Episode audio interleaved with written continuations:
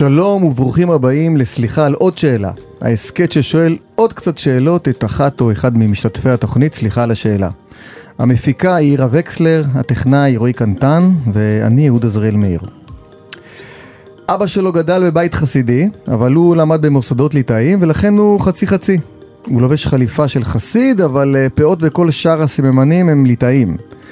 חמישים מתוך תשעה ילדים, הוא גדל בירושלים, התחתן בגיל 28 ויש לו ילד אחד. הוא הקים ישיבה ביד אליהו, והוא בעלים של חברת ייעוץ לשילוב חרדים בחברות ומוסדות. שלום יהודה בצלאל שטאובר, שלום וברכה, מה שלומך? בסדר גמור. הכל. בסדר. תודה רבה רבה שבאת אלינו.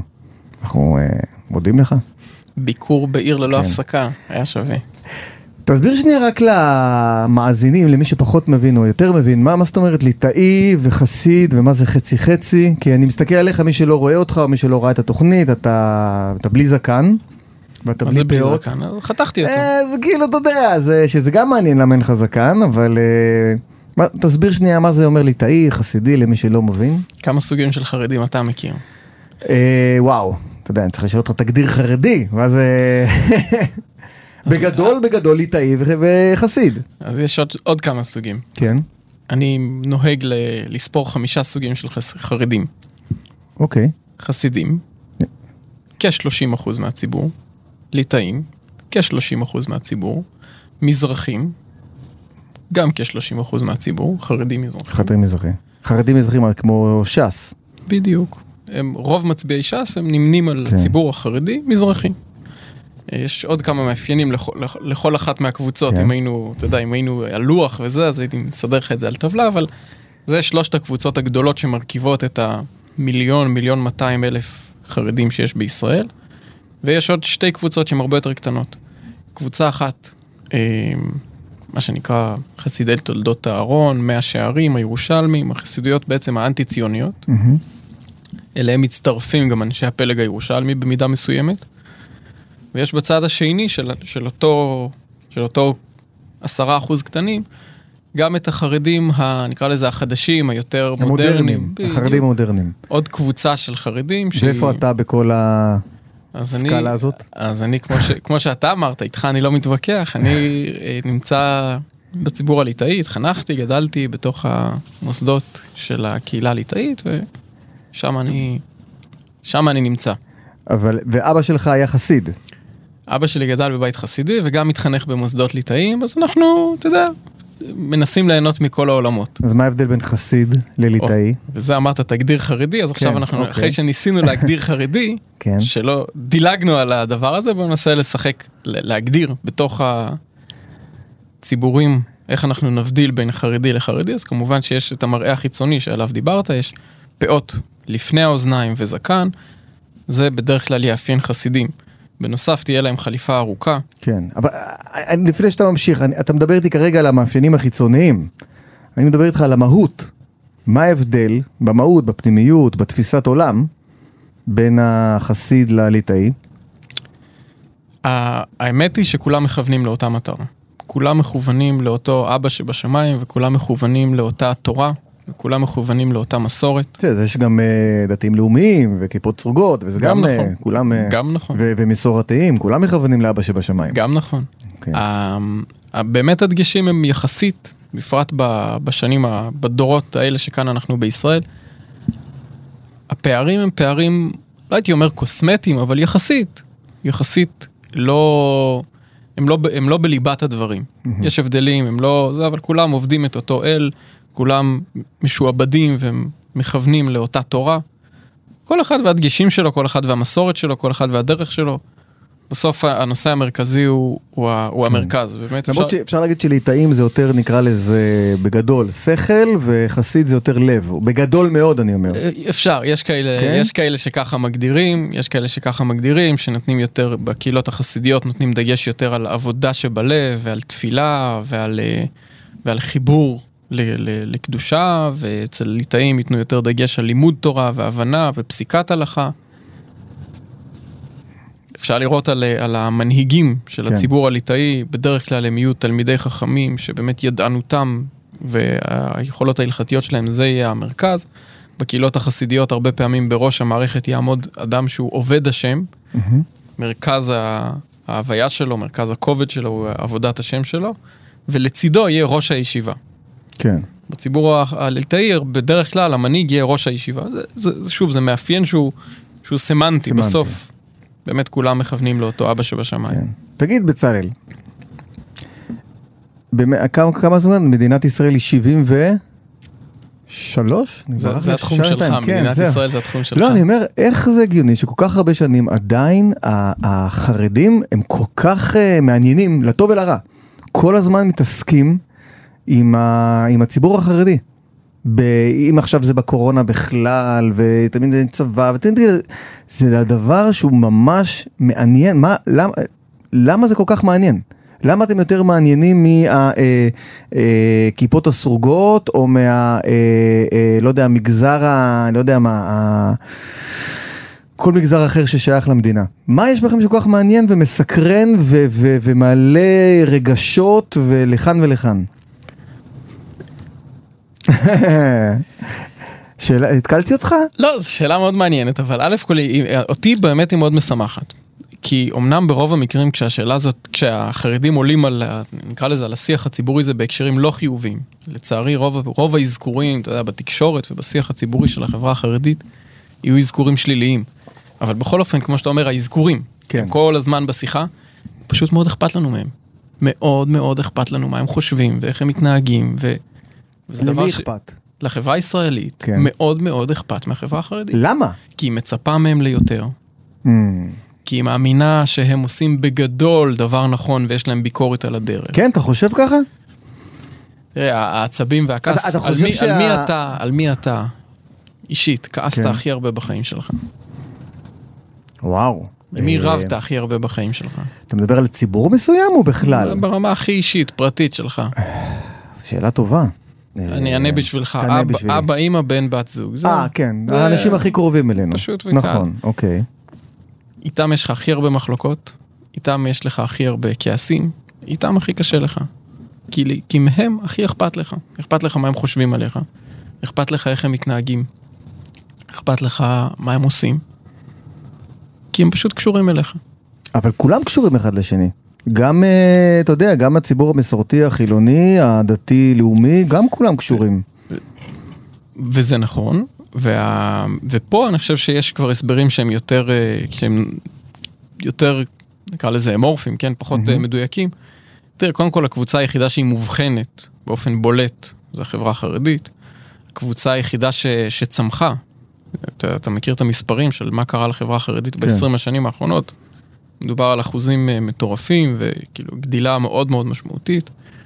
זאת אומרת, זה היחידים מאוד מאוד מובחנים בלבוש, בשפה, בערכים, ביחס לשאר החברה הישראלית. לצערי, קשה להם להבחין בין מסורתי לבין חילוני לבין... זה ממש... אחד הד... וזה דבר שההפרדה הזאת היא מייצרת... אה, מייצרת... מייצרת אה, שוני, כעס, כן. כן. כן. תראה, יש קריאת כיוון, החברה החרדית קוראת לחברה הישראלית כל הזמן, אה, קוראת, אה, נקרא לזה תיגר על סט הערכים שלה, כן? הממשלה אומרת, אה, בקורונה, הזכרת את הקורונה, הדבר הכי חשוב לא לסגור זה כלכלה. אומרים החרדים, כלכלה זה חשוב, אבל אה, תפילה ולימוד תורה זה, בא, זה יותר חשוב. ד... מי, מי עוד בא לפה עם אמירה כזאת? אבל אתה חושב שהאדם החילוני ש... שרוצה, כמו שאתה דיברת עכשיו, שלא יסגרו לו את ה... עכשיו את אוגוסט, את החופש הגדול, את העסקים, אתה חושב שאתה תבוא ותגיד לו על העניין של התפילה, הוא יבין את זה? הוא יכול להבין מה זה אומר בשבילך?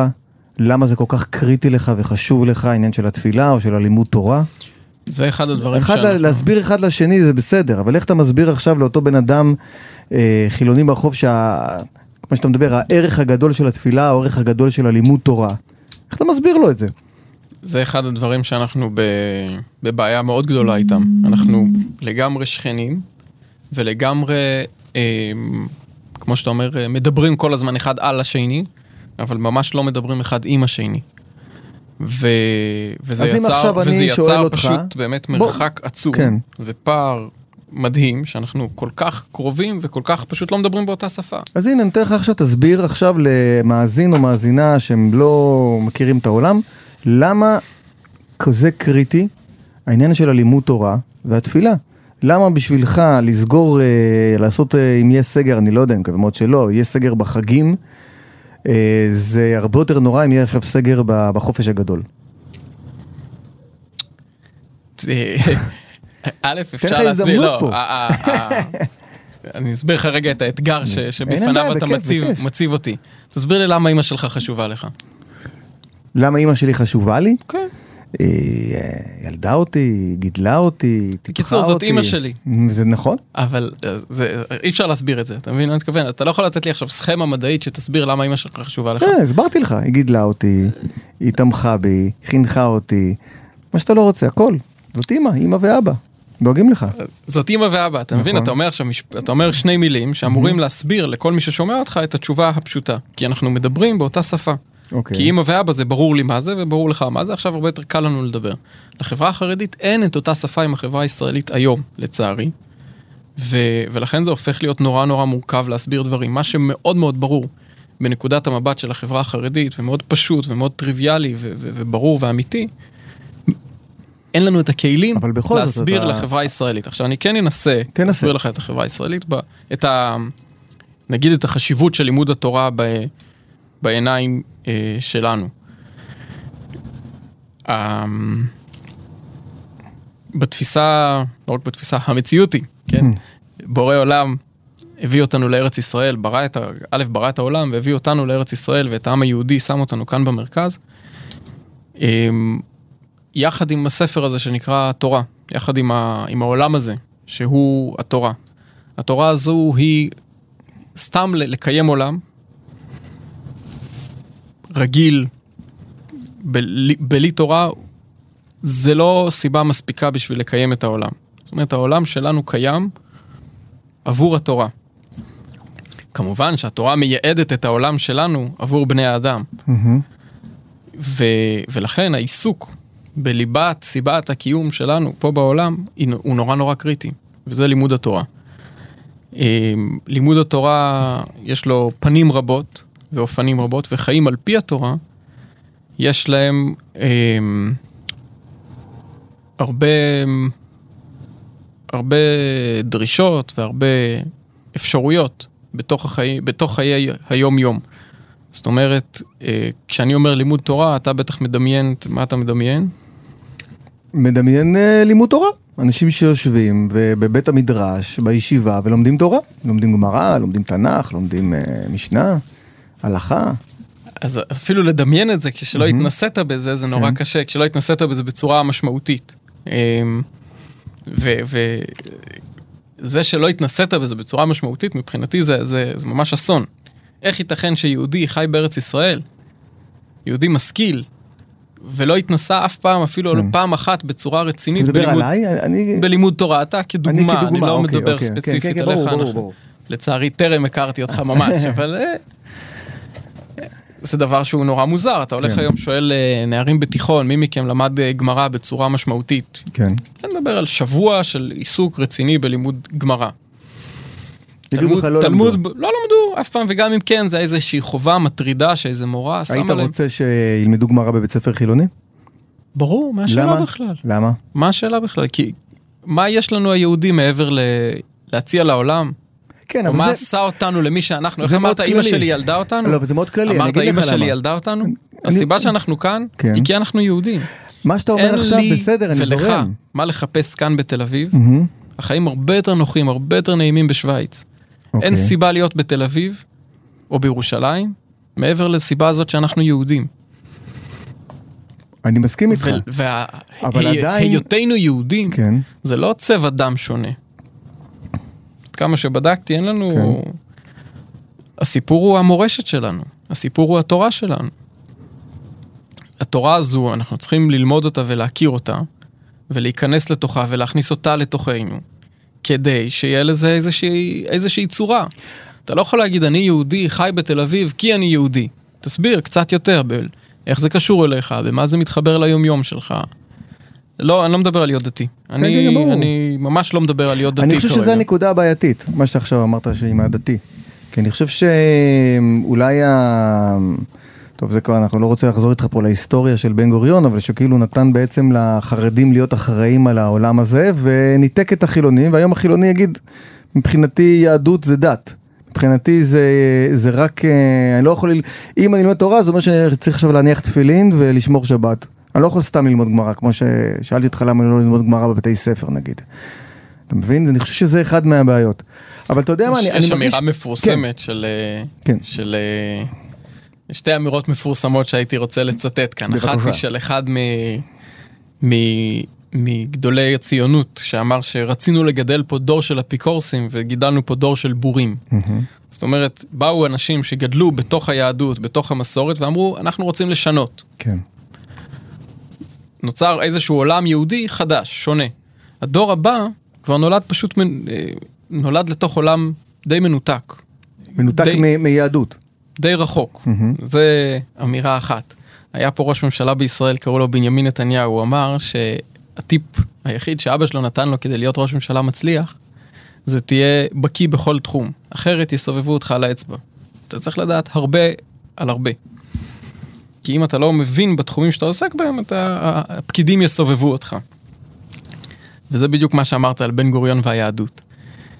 כשאני אומר לך ללמוד תורה, כשאני מבקש ומציע ליהודים ללמוד תורה, זה לא כדי שהם יהיו כמוני, אז למה? זה כדי שהם יכירו את התורה שלהם, כי ויבנו את החיים שלהם סביב איך שהם מבינים את התורה. איך בן אדם חילוני שלימד תורה זה יעזור לו בחיים?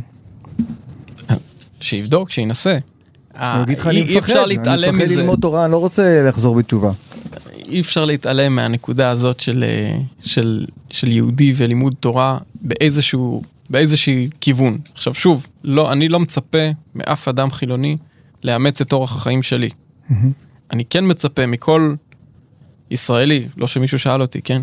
אבל, אבל אני כן מציע, נקרא לזה ככה, לכל, אה, לכל ישראלי, לכל יהודי, להכיר, למה אתה כאן? בוא, יש, אני אומר שוב, החיים בשוויץ יותר נוחים, אני, אני בדקתי כן. את זה. גם, ב, גם בארצות הברית, בהרבה, אופן- מהרבה בחינות, הרבה יותר נוח לחיות בארצות הברית. מה יש לנו מהארץ הזאת? מה יש לנו מהחיים האלה? מה יש לנו מהמורשת הזאת? למה כולם... יש פה משהו, ואת המשהו הזה צריך להכיר אותו. איך מכירים אותו יותר טוב? כל אחד והמסלול שלו, כל אחד והדרך שלו, כל אחד בכלים שלו, כל אחד בשפה שלו, אבל כמערכת חינוך, אני חושב שקצת תלמוד בבלי, קצת רצינות ביחס לתנ"ך, קצת רצינות ביחס ל... ברור שזה דבר מאוד משמעותי. ייתן לאנשים את הכלים לבחור את היהדות שלהם בצורה מקצועית, ולא בצורה אה, שרלטנית, כן? כן. היום אתה אומר, מה זה יהודים? איזה חרדי שזרק, אה, אני יודע מה, זה, יהוד, זה יהודים וזה יהדות, וממילא זה לא מתאים לי. ברור שלא, כי, כי תכיר יהדות, תחקור, תברר, יהיה לך הרבה יותר נוח להתחבר.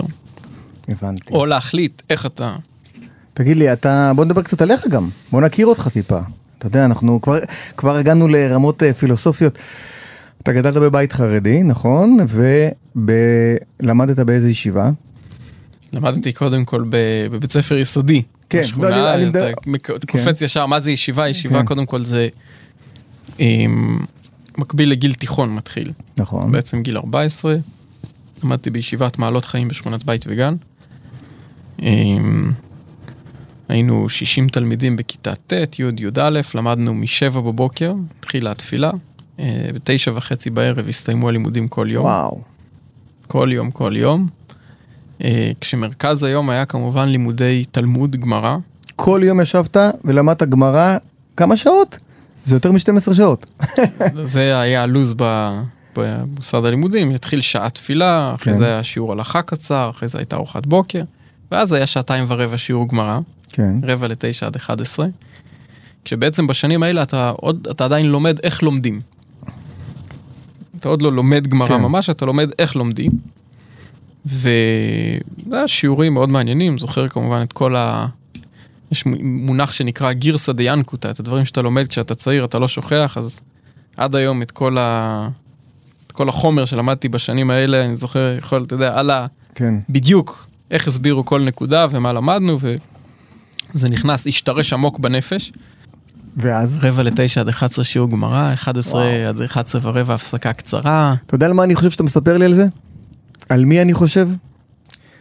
אני חושב על אותו אה, ילד או נער שהם אחלה והכל, אבל לשבת כל כך הרבה שעות וללמוד, זה לא נשמע לי משהו שמתאים לכולם. כשאז בשנים ההם אני לא... לא, לא הכרתי הרבה אופציות אחרות. נגיד שאלו אותי הרבה פעמים, רגע, והפרעות, כאילו, ברור, יש הפרעות כאלה, ברור, יש לך, זה קשה וזה מתאמצים, זה חלק מה... חלק מה... חלק מהדיל הוא שאתה לא רק לומד איך ללמוד, אלא אתה גם לומד שצריך להתאמץ כדי ללמוד. זה קשה, זה לא... כן. זה לא קל. ואתה מבחינתך זה היה תמיד כאילו לשבת וללמוד, לא היה לך זה- איזה עניינים שאמרת לראש ישיבה די אני הולך מפה אני צריך לחשוב, תן לי היו איזה- שנים שהיה היה שבועות והיו שנים והיו זה שהיה קשה לי יותר עם ה... לפעמים עם הקימה בבוקר ולפעמים על להתרכז בזה ו... אבל היה ברור שזה מאבק וזה ניסיון שאתה מנסה כדי להצליח. כדי אין, להצליח אה, לדעת יותר ללמוד כדי. לדעת ללמוד איך לומדים כן כדי כדי לצאת לחיים כשאתה כשאתה מסתדר נותנים לך דף גמרא ואתה כן. יודע איך להשתמש בו כמו שצריך. מה זה אומר לצאת לחיים? לצאת לחיים זה להגיע לגיל 22, כן. 23, כשאתה יודע איך לומדים באופן עצמאי. ואז? אה, גמרא ותורה, ואז אתה קודם כל יהודי, אתה כבר על ו- המפה. כן, אבל למה- ואז מה אתה עושה בגיל 22? ואז מגיעה החלטה, האם אתה יכול אה, להישאר בלימוד כל החיים, זאת אומרת, או יותר שנים ללמוד תורה, או שאתה בוחר, אחרי שמילאת את עצמך ב... בש"ס ובפוסקים, מה שנקרא, ב- בתלמוד ובהלכה כן. ובלימוד, ולא רק אה, כרסך, אלא גם כן. הצבת את אישיותך בתוך מסגרת ואת תפיסת העולם שלך ואת נקודת המבט שלך. דרך התורה אתה מסתכל על העולם, דרך הלימוד שלך, זה, זה המטען הערכי, נפשי שלך. אה, זה העולם שביחס אליו אתה מודד את עצמך, כן. ואז אתה יוצא ל- להתפרנס. יוצא לעבודה, בגיל 22, 3, 4, 5, 6, כן. ועד אז לומדים. עד אז, כן, זה... אבל גם בגיל זה- 22 בדרך כלל כבר מתחתנים, נכון? נכון. בגיל 22-3 זה שלב החתונה בציבור הליטאי, בגיל ומה עם 20 צבא? בציבור החסידי. התגייסת? אני לא התגייסתי, עדיין לא התגייסת. התגייסתי. עדיין לא. עדיין בן לא כמה אתה? אתה התגייסתי. כבר בן... בן 30. 30, נו. עדיין לא עוד לא התגייסתי. תוכל לסחוב אה, נשק וזה מרוב אה, שאתה זקן. השבוע, השבוע התמנה לקצין בחור חרדי בן 60. אה, באמת? כן, קצין. ברבנות הצבאית, אה. כן.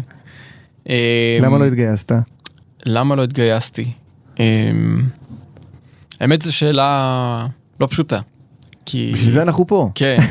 לא, כי אני, כי אני בהחלט חושב שצריך להגן על העם היושב בציון, ולא ייתכן שמישהו אחר יעשה את העבודה הקשה בשבילך. אני לא מאנשים ש... לא מאנשים וגם לא כציבור, אנחנו לא... אז למה לא התגייסת? לא אנשים שמחכים שמישהו אחר אה, יתנדב עבורנו, אלא אנחנו מנסים ל... לקחת אחריות ו- ולהיות, אה, גם על הדברים הקשים, להיות חלק מהם. למה לא התגייסתי? אה, כמה סיבות. הסיבה הראשונה היא באמת ה... המחשבה ש... ל... ל... לעם היהודי, אה, נקרא לזה כמה משימות, חוץ מלהגן על עצמו בצורה פיזית כאן בארץ. המשימה הנוספת היא באמת לפתח אה, את לומדי התורה ואת לימוד התורה. ו... וזו שליחות שאני ראיתי שאין מספיק אנשים ש... שנכנסו תחת האלונקה שלה. למה? יש המון. יש אה, כמה אברכים יש? לא משמעות. בערך? לא, למה? לא יש מספיק. כמה עשרות אם לא מאות אלפים, לא? יש 120 אלף, אבל נו. אנחנו צריכים 10 עוד אחוז, צריך. אנחנו צריכים 10 אחוז מהעם היהודי, שיהיה... אוקיי. זה, זה התוכנית ש... כשאתה עובר בתנ"ך, זה פחות או יותר המספרים. לצערי הצבא היום בישראל, לא רק היום, אלא בעיקר במשך שנות, מאז קום המדינה, אה, מאוד מאוד מייצג, אה, או יותר מדי, מייצג את, ה, את הישראלי החדש, ופחות מחובר ליהודי כמו שאני רואה אותו. אבל היום יש המון חרדים בצבא. מה זה המון? אה, יחסית לפעם, יש יותר ויותר. זאת אומרת, הצבא יותר בא לקראת. מאפשרים, כן. מאפשרים. אה, תראה, זה דבר עדין, רגע, קשה, אה, קשה להגיד אותו. אני מבין, אבל... אבל, אבל ה... מהמם. לאפשר זה לא... אם היו מאפשרים לך פה להיות... כן. אתה, אתה לא היית פה. אתה פה כי אתה רצוי, וכי אתה... הצבא הוא צבא שהוא... אתה יודע, הוא, הוא, הוא מסכים לקבל אליו כמה חרדים. הוא לא באמת... זה, בקיצור, זה, זה, זה, זה תפיסת עולם. רגע, אבל אני צריך שנייה להבין, עד איזה גיל היית בישיבה הגבוהה? בערך. זוכר? 25. 25? נו, אז למדת תורה עד גיל 25, ואז אתה יכול להתגייס לצבא. אני המשכתי ללמוד גם אחרי גיל 25, נגיד עד גיל 28, הייתי בתוך המסגרת הישיבתית באופן די, די מלא. אז... אה, היום בישראל קשה לחרדי להתגייס, נו, אתה מתגייס, אתה לא בתוך, אה, הצבא הוא צבא שכמו שאמרתי, הוא בקושי מאפשר לך להיות, אה, להיות אתה, והוא...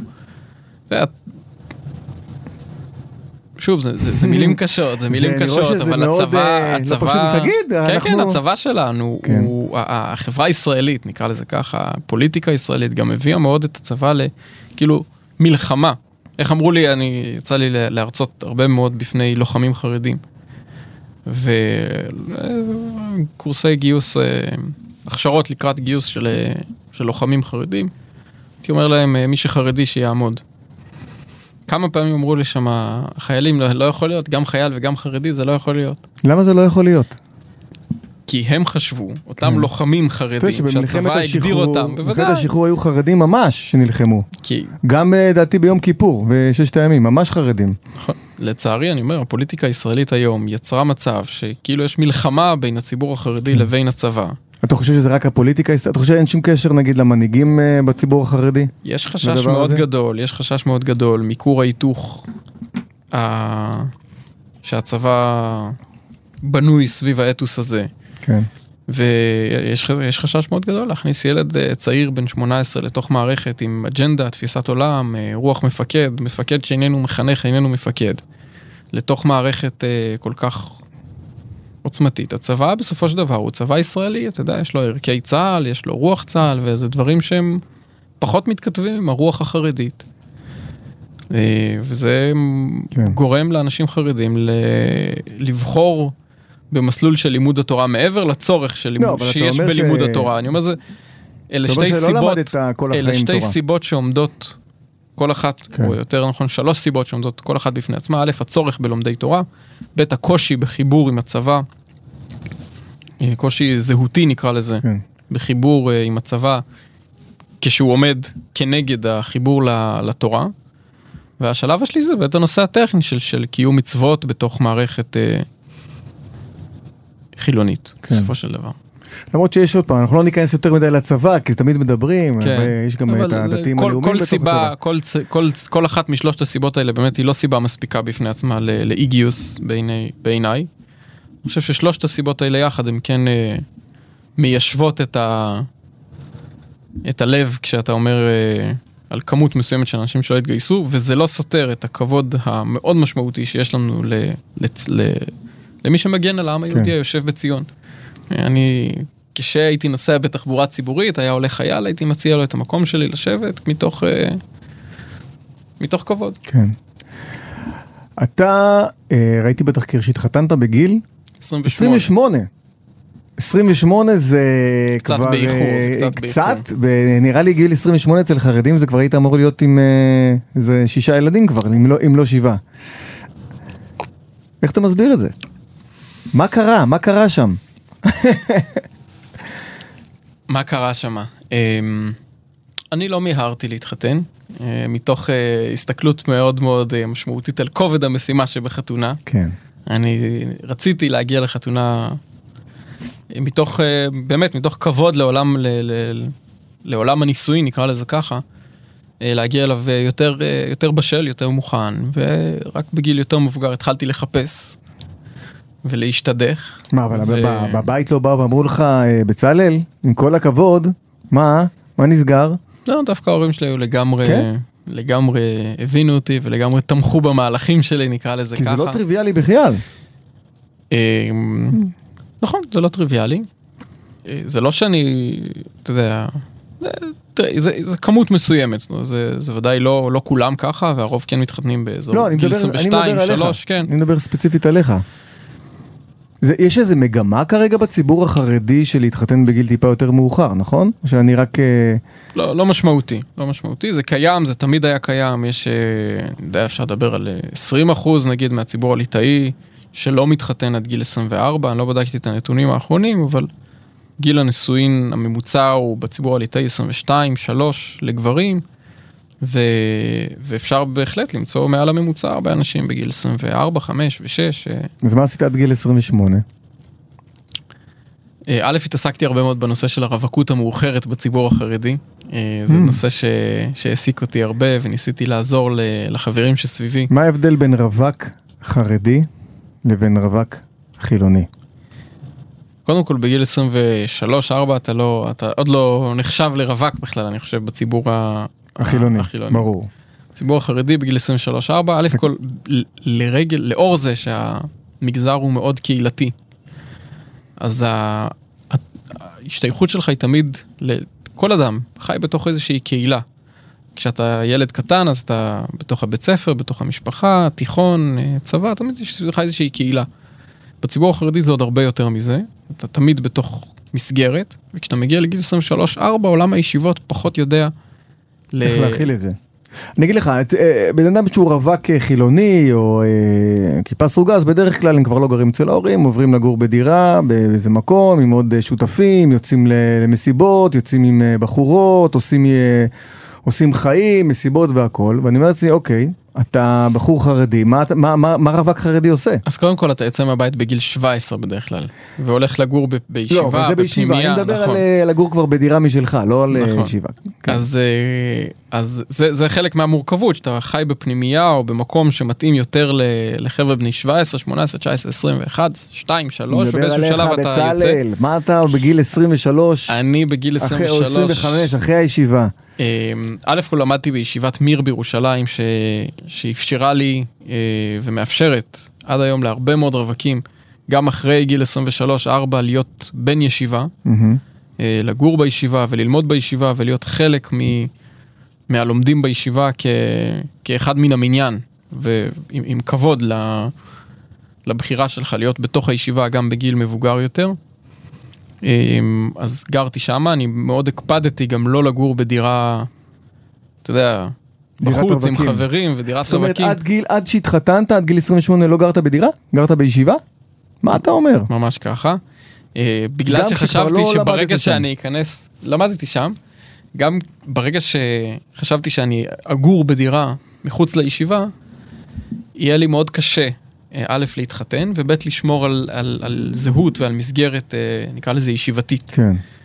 כשאתה בתוך הישיבה, אתה מחובר לערכים של הישיבה. כשאתה גר בדירה, קשה זה הרבה, יותר. הרבה יותר כן. קשה לשמור על מסגרת, ואחד הדברים שאני חושב שהישיבה והחרדיות גם מעניקה זה, זה את ההבנה שהמסגרת נורא משמעותית לך. זאת אומרת, אתה חייב לבנות לעצמך את המסגרת כמו שהיא מתאימה לך. כן. זה הסוד של הבגדים השונים. אתה מסתובב בתל אביב ואתה לא תשכח מי אתה. זה הסוד של הסינונים השונים ב... בטלפונים. כן. זאת אומרת, זה, זה ברור שאתה יכול בכל לך יש זמן. טלפון כשר? בכל... יש לי טלפון שהוא חכם אבל כשר. אוקיי. אתה יכול בכל זמן, כשיש לך אתה או כל, כל אדם אחר יכול בכל זמן ל- לגלוש לכל מקום. אני אמרתי רגע אני רוצה לעשות לעצמי את המסגרת שהיא תהיה קבועה, שאני לא בכל דקה אצטרך לקבל את הבחירה וההחלטה, אלא פעם אחת אני בוחר. מה כן ומה לא. אני חייב לשאול אותך, אתה נראה לי ככה בחור מאוד אדוק ומאמין וכאילו מאוד אה, בטוח ב... בתפיסת העולם. היה לך פעם תקופה של איזה ספקות באמונה או בדרך או בשיטה שפתאום אמרת רגע אולי זה לא מתאים לי אולי זה כן מתאים לי. שאלות ששאלת את עצמך. היה לי, יותר מסתם שאלה שפתאום עלתה לך, ממש כאילו להתבונן. תראה, קודם כל היה לי מפגש מאוד משמעותי עם החברה הישראלית והחילונית, אה, והייתי אומר גם עם החברה הישראלית והחילונית האיכותית אה, ביותר, אה, עולם המכינות הקדם צבאיות, האקדמיה, תוכניות המנהיגות השונות שאני יצא לי לפגוש, להרצות בפניהם הרבה מאוד. נו, אז נחשפת לעולם, לעולם אחר, ו... ו- ולא רק? נחשפת אלא, אתה מעריך אותו, כי אתה כן. באמת רואה דברים מאוד מאוד טובים. וזה דבר שכן יצר אצלי, לא הייתי אומר, איך זה השפיע? קודם כל זה ודאי השפיע. אי אפשר להתעלם מה, מההשפעה, מפגש מייצר השפעה. אה, האם בגלל זה היו לי מחשבות, אה, אני יודע מה, לא כל כך, כי אני חושב שטוב לי איפה שאני. אה, טוב לי ב- ב- בחיים שלי, בעולם התוכן שלי, ב- בעולם הרוח שלי. אבל, זה ברור, אה, אבל, אבל- מצאתי, אבל מצאתי את הרבה הרגעים, דברים, כן. מצאתי הרבה דברים מושכים. עולם של ערכים מאוד מעניין, ועולם של מה? רוח מאוד מעניין. משהו נגיד שאתה אומר מהעולם החילוני שלא הכרת ואתה אימצת אותו אליך. יש לך דבר- דברים כאלה? קודם כל יש, אמרתי, שיבחתי לפני כן, כמה דקות ברור, את ברור. המסגרות, אני אומר את המסגרות גם, החרדיות, שמכניסות אותך למסגרת של, אה, של שמירה ושל גלישה ושל אה, קהילתיות ושל... זה, זה ברור. אני אומר, ואחרי? שיבחתי את זה, כן. ו- ומהצד השני אני נורא משבח את האנשים, מפ- את האנשים שבלי זה, את האנשים דברים. שבלי זה, כן שומרים על מסגרת. כן. אתה מבין מה אני אומר? אדם שבלי מחויבות, אני כשאני שומר שבת, כשאני לא גונב, כשאני עושה מעשה שהוא מוסרי מעבר למה שאני רגיל אליו, אז תמיד יש לי את, ה, את המסגרת, את הלמה. כן, כן. וכשאני רואה בן אדם שאין לו את המסגרת החיצונית, ויש לו את, ה, את הלמה הפרטי שלו, למה אני עושה דברים טובים, למה אני פועל בזה, זה נורא מרשים. תגיד, אתה חושש קצת ממה ששאלתי? תחדד לי. אני כאילו מרגיש שכשאני שואל אותך את השאלות מהסוג הזה, אתה קצת ככה מסביב. היה, תתתי, יכול מאוד להיות. אני לא אומר את זה בקטע שאתה יודע, אנחנו ראינו את זה גם בתוכנית, שהעניין של מה יגידו, הוא מאוד חזק בציבור החרדי. כן, זו שאלה שהבמאי אמר לי כן. שהוא הכניס לאור השיחה המקדימה איתי. אה, כי, כי, אבל זה נכון, זה נכון, לפעמים ה, המה יגידו יכול, אה, אתה יודע, לעלות גם לפעמים על דברים שקשורים ל... לא יודע אם הלכות וכאלה, אבל המה יגידו הוא מאוד חזק, ואני כאילו מרגיש שאתה קצת חושש להגיד דברים עד הסוף כדי שמישהו פתאום ישמע את זה, לא יגיד, אבל יכול להיות שזה גם בראש שלי. א', זה כמובן גם בראש שלך, אבל זה גם נכון במציאות, כשאתה מדבר בשיחה פרטית, לו היינו מדברים פה כן, בחדר רק פרטית, שנינו, לא. כן, בצורה, אז היה לי הרבה יותר קל כמובן כן, להתבטא. כן. ברגע שאתה מדבר ב... ב... במקום שהוא ציבורי, פומבי, אתה לא רואה את האנשים, אתה לא יודע באיזה סיטואציה הם קולטים אותך, אתה לא יודע מה הם שומעים ואיזה משפט הם. מאוד מאוד קשה להיות מספיק ברור מצד אחד ולהיות, מס... ברור שזה אתגר אה, משמעותי. הנושא של מה יגידו, אני חושב שטיפה דיברתי על זה גם בתוכנית, זה הרבה פעמים נשמע לאנשים מבחוץ, גם כשמדברים על, אה, אומרים הרבה פעמים הרבנים יעשו לך והרבנים אומרים לך, וכאילו מד... אתה מדמיין לעצמך בראש איזה חבורה של אה, זקני ציון שמנסים לחשוב איך הם מסנדלים וכובשים, ומדובר על אנשים שמחפשים את הטוב. ורוצים את הטוב ביותר. בשבילך. ואני שואל אותך, בצלאל. והקהילה, אותך, הקהילה אותך. והמה יאמרו, זה החברים שלי, מה הפירוש, אתה מבין? זה- לא מה יאמרו איזה אנשים רשעים שאני פוחד מהם, זה החברים שלי, אלה האנשים שאיתם אני... אני אשאל אותך ככה, אני אשאל אותך ככה. אם הייתי שואל את השאלה קודם שדיברנו קצת על עניינים של ספקות ודברים שקיבלתי, הייתי שואל אותך השאלה הזאת כרגע כשהיא, אה, בלי המיקרופון. היית עונה לי תשובה אחרת? אה, תראה, שוב, אה, אתה מנסה ל... זה, אין אין לי מה, זה לא... לא, פה אני- אני פשוט מנסה- תראה, העולם- עולם חופשי, כן. בראש שלי, כן, עולם חופשי של, של חופש, אתה, בוודאי כשאתה נער צעיר יותר, ואתה כל העולם, ברור שיש הרבה דברים ש... ש... מה, לא עבר לך, אתה... כל, כל אחד יש לו איזשהו הרהור, אה, זה אמרתי. לעצמי, יאללה, תן לי איזה חודש בתאילנד להתהפך, לעשות מה שבא לא, לי, זה לא לישון, תמיד... אה, לישון ביום ולהיות ער. בלילה, ו... ברור שהיה לי כאלה מחשבות, אבל האם זה בא מאיזושהי מחשבה ו- ותפיסת עולם שאמרה אולי נכפור ואולי נשנה? ו... לא, אני בן אדם. וגם אני הייתי נער צעיר, וגם הייתי איש מבוגר, וגם היום יש הרבה דברים מאוד. שהמסגרת, אה, המסגרת שאני הטלתי על עצמי, אני חושב שזה מאוד טוב קשה לי. מה שאתה אומר. אני חושב שהדברים שאתה כרגע אומר, זה החיבור, אני עוד פעם מרגיש שזה יכול להיות חיבור מאוד אה, חזק, של- שאתה יודע, שאתה אתה לא איזה עדר, כמו שאתה אומר, אתה בן אדם, כן, היה לך דברים, כמו כל אחד. כן, מחשבות, אה, עניינים, אני- כמו גם- כל בן אדם. זה לא רק מחשבות עניינים, זה כל אחד שבוחר במסלול חיים שהוא קצת מורכב, כן? אה, יש לי אח שעכשיו אה, לומד אה, פיזיקה. זה, זה תואר נורא מורכב, אני בטוח שבאמצע היה לו הרבה פעמים מחשבות אה, כפירה, כן. של די, מה לקחתי על עצמי כזה לימודים מורכבים, תן לי חיים פשוטים, תן לי להיות... אה, למרות שפיזיקה זה לא משהו שמשפיע על החיים היומיומיים שלך. נכון, נכון, הוא כן, הוא מש... תראה, במשך חמש שנים אתה משועבד ללימודים, אז אה, שוב, כל אחד עם המסלול חיים שהוא בחר לו, וכשהוא בוחר לעצמו משימה שהיא, שהיא קצת מעבר ל... גם בעבודה, היום אני לוקח על עצמי פרויקטים שהם קשים לי, והרבה פעמים כן. אני אומר, די, אין לי כוח, זה גדול, בשביל מה אני צריך את זה? תן לי להסתפק ב, בפחות אה, פחות עבודה, פחות שכר, פחות אתגר, ואז אני אומר לעצמי, לא, אתה רוצה את האתגר, אתה רוצה להשיג, אתה רוצה לממש, אתה רוצה... אז אתה חוזר חזרה למסלול. אז ללכת אחורה מהמסלול ולהיכנס חזרה למסלול, גם בתחום הדתי וגם בתחום האישי וגם בתחום, בוודאי זה חלק, מה, חלק מהחיים. תקשיב, בצלאל, קודם כל, זמננו תם. אני מרגיש שרק ככה? התחלנו, אני ככה? מרגיש שרק התחלנו להתחמם, אני... אירה מסמנת לי פה שאנחנו צריכים לסיים. מזל שאני לא רואה אותה. אה, לא, יש לי עוד המון שאלות לשאול אותך. אה, אני אשאר ככה- כאן עוד כמה דקות. כן, זה אחר כך, אבל אה, לקראת הסוף, לקראת סיום התוכנית הזאת, אה, יש איזה משהו, ככה, שהיית רוצה לומר ל... לא יודע מה, ל- לאדם החילוני שלא מכיר את הציבור החרדי יותר מדי, ששומע את כל הדברים וישר יש לו איזה אנטי, איזה משהו ש, שיבין את העולם שלך בצורה, אתה יודע, עוד פעם, אני אומר פה דברים מאוד מאוד גדולים, אבל ככה, וכלליים, איזה נקודה מסוימת שכדאי לנו להכיר ולהבין יותר את הציבור החרדי. תראה, א', אני חושב שוודאי כדאי. ודאי כדאי, מה- זה ודאי. להכיר. מה בן אדם חילוני כדאי להכיר זה? נורא. מעניין, אבל צריך לעשות את זה בצורה בלתי אמצעית פנים אל פנים, ולהשקיע בזה. זה לא קל. להיפגש ולהכיר זה לא דבר קל. אה, לפעמים הדקה הראשונה של אה, וואי, אני בן אדם, אתה בן אדם, זה ממש נחמד, ואחרי זה להבין את, את הפערים ואת המחלוקות זה נהיה קשה, ואחרי... אני חושב שהמפגש הוא דבר שהוא מרומם, הוא משמעותי. כן. ההיכרות העמוקה עם הצד השני, עם, ה, עם בר הפלוגתא, היא, היא תורמת מאוד ל, לעצמך, לך כן. אישית, עוד לפני שאתה מתעסק בצרכים של החברה הישראלית. אבל יש נקודה נוספת, אין לנו ברירה. החברה הישראלית, אין ברירה. אנחנו נמצאים פה באותה, על אותה חלקת אדמה קטנה, אנחנו גרים שכנים אחד ליד השני, לפי מה שאמרת עם בהתחלה, זה יותר חפצי- משכנים, אנחנו משפחה עם- אחת גדולה. ממש ככה, ועם חפצי, חפצי חיים אנחנו, אנחנו חייבים לשמור על היכולת לדבר. ועוד כמה שנים, כמו שאמרת ב, בשנות קום המדינה, כשהיו פה ככה כן. וככה, אז היה, התקשורת הייתה יותר בקלות. היו ויכוחים, אבל התקשורת הייתה יותר בקלות. היום כשאנחנו גדלים בכאלה מרחקים תרבותיים, אנחנו חייבים לעבוד קשה. כדי לשמור לדבר. על היכולת לדבר אחד עם השני.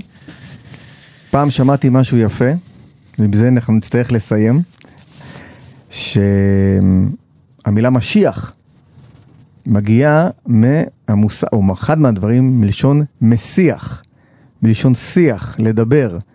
שאם רוצים שהמשיח יגיע, צריכים לדעת ליצור שיח אמיתי בין כל חלקי העם, כדי שיהיה פה גאולה ויהיה פה יותר טוב. אז אתה אהבת? מדבר, אהבתי מאוד, אהבת? אתה... זה לא שלי, אה, אני לא זוכר מי סיפר לי את זה. שמעתי את זה באיזה... איפשהו. דווקא באוניברסיטה אני חושב ששמעתי את זה, לא עלינו. יש, אה, אוניברסיטה זה נושא אחר כן, לשיחה, זה- לשיחה כן, יש אחרת. לנו הרבה מה- זה- האקדמיה זה יהיה לשיחה אחרת, אבל, אה, אבל אתה מדבר על, ה, על התוצאות, ההשלכות העתידיות של זה. אני אומר שהשיחה עצמה היא, היא, חוויה, כן. היא והיא הדבר. מעניינת, והיא כן. משמעותית, ואם אנחנו לא נשתמש בשריר הזה, כן. אנחנו נאבד אותו. והוא הוא שריר שכיף להשתמש בו, ושווה לנו להשתמש בו, שווה להתאמץ בשבילו. בצלאל, כמו שאמרתי, הייתי מדבר איתך עוד כמה שעות, היה לי ממש מעניין. אה, אני משער שגם, אה, אני, בטוח שגם למאזינים ולמאזינות. אה, תודה רבה, ואיך אומרים, שנ- שנדע באמת לדבר אחד עם השני כולנו, כי כולנו משפחה אחת גדולה מסביב לשולחן הזה. אה, אז תודה רבה, ותודה רבה לכל המאזינים. אתם האזנתם לעוד אה, תוכנית של סליחה על עוד שאלה. ההסכת ששואל עוד קצת שאלות את אחת או אחד ממשתתפי התוכנית סליחה לשאלה. המפיקה היא עירה וקסלר, הטכנאי היה רועי קנטן ואני יהודה זריאל מאיר. תודה רבה ונשתמע בתוכנית הבאה. תודה לך, אהוד. תודה רבה.